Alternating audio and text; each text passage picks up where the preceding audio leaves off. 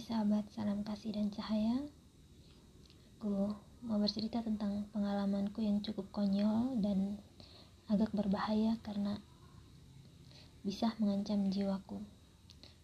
Ceritanya saat itu aku di Hong Kong dan ada satu fase atau momen di mana aku merasa tubuhku diliputi oleh banyak energi negatif. Aku gampang lelah, emosi tidak stabil. Dan akhirnya aku mulai mencari cara untuk menetralkan energi negatif ini.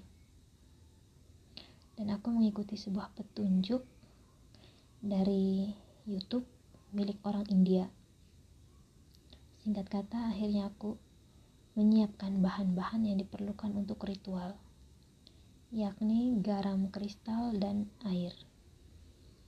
Setelah itu, aku merendam kakiku dalam air garam kristal tersebut sambil duduk dengan punggung tegak dan aku menyetel alarm selama kurang lebih 15 menit. Begitu ritual dimulai, aku merasakan ada sengatan listrik di sekitar ubun-ubun. Dan kepala terasa seperti dibor menggunakan bor listrik. Tetapi aku tetap tenang karena aku berpikir ini prosesnya. Dalam arti energi negatif sedang dikeluarkan. Jadi aku memilih tenang.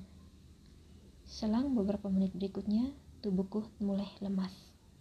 Tetapi aku masih setia berproses sampai aku mendengar ada suara dari dalam batin yang menyebut Yesus, Yesus, Yesus, Yesus, Yesus, dan nama ini disebut terus berulang kali tanpa jeda. Yesus, Yesus, Yesus putra Daud, terus. Sampai akhirnya alarm berbunyi dan aku menghentikan proses ritual tersebut.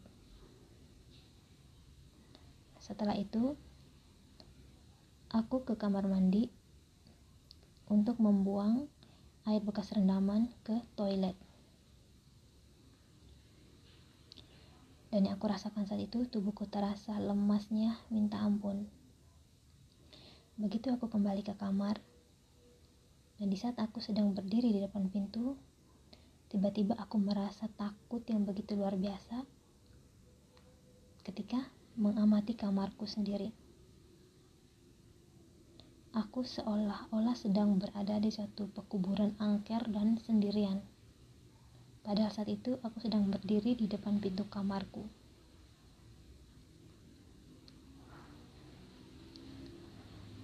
Dan agak aneh dan aku tidak melihat apa pun selain merasa takut.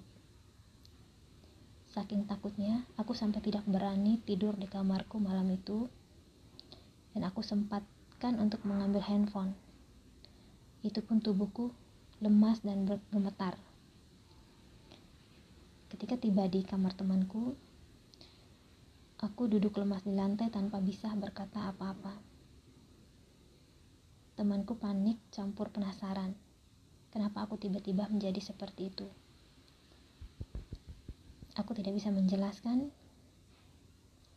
sampai akhirnya temanku semakin mendesakku untuk menceritakan kepada dia kenapa aku seperti itu. Setelah aku bercerita kepadanya, akhirnya dia paham dia dan dia mengatakan kepada bahwa dia melihat ada sosok-sosok atau bayangan-bayangan hitam yang mengikutiku di satu sisi tubuhku. Bayangan-bayangan hitam ini berusaha untuk masuk ke tubuhku. Tetapi di sisi yang lain ada bayangan-bayangan putih yang berusaha untuk melindungiku, sehingga bayangan hitam ini tidak bisa masuk ke tubuhku. Dan menurut temanku, jika saja saat itu aku memperpanjang waktu ritual lebih dari 15 menit, aku bisa saja kesurupan. Dan banyak entitas yang mengikutiku saat itu.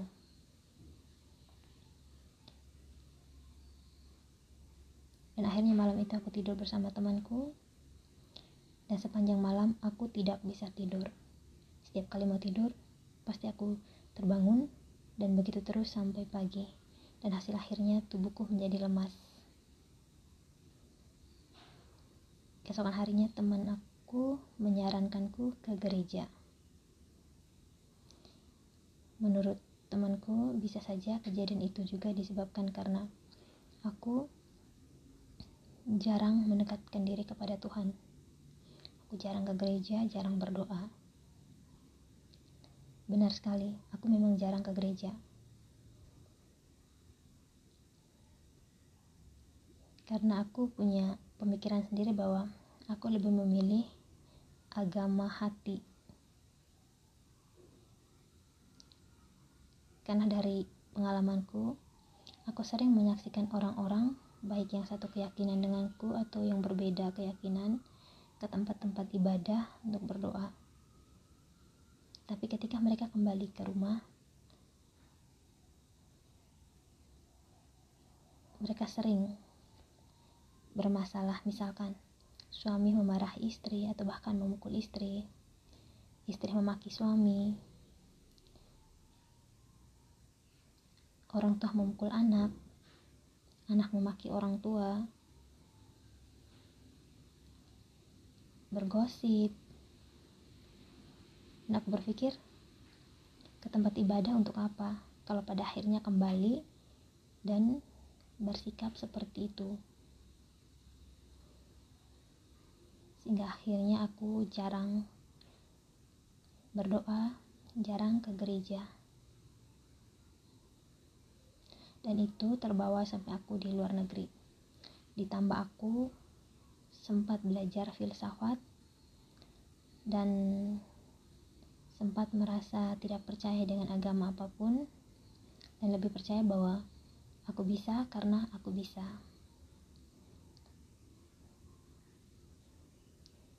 Ya, bisa dibilang sedikit sombong karena mengandalkan kekuatan diri sendiri.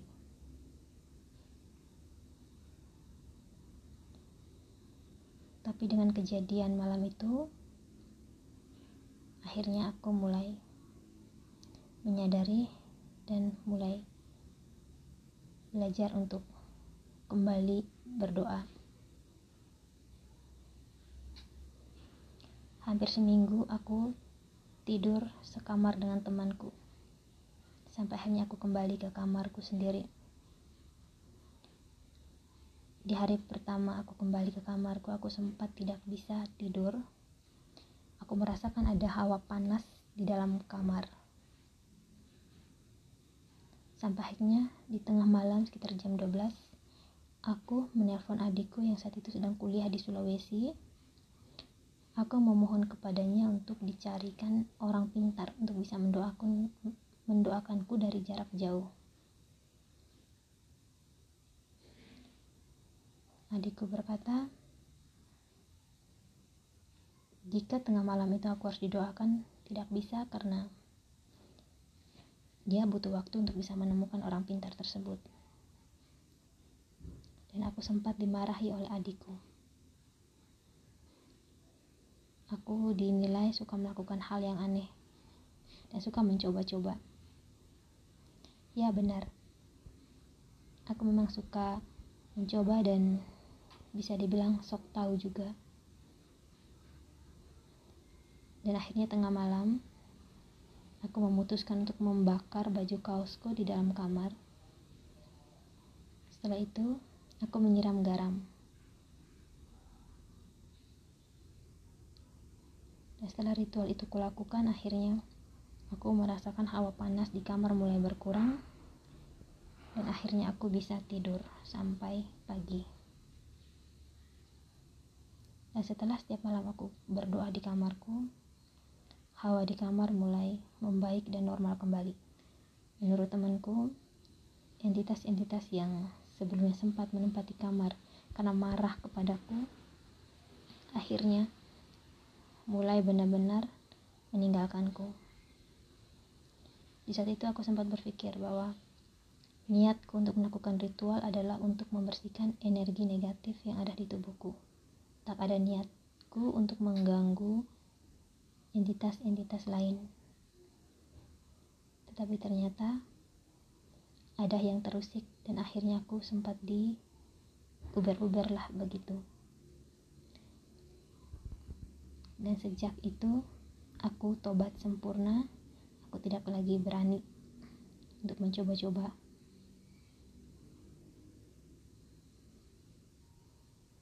nah sahabat ini ceritaku cerita yang konyol dan jangan ditiru ya Thank you, namaste.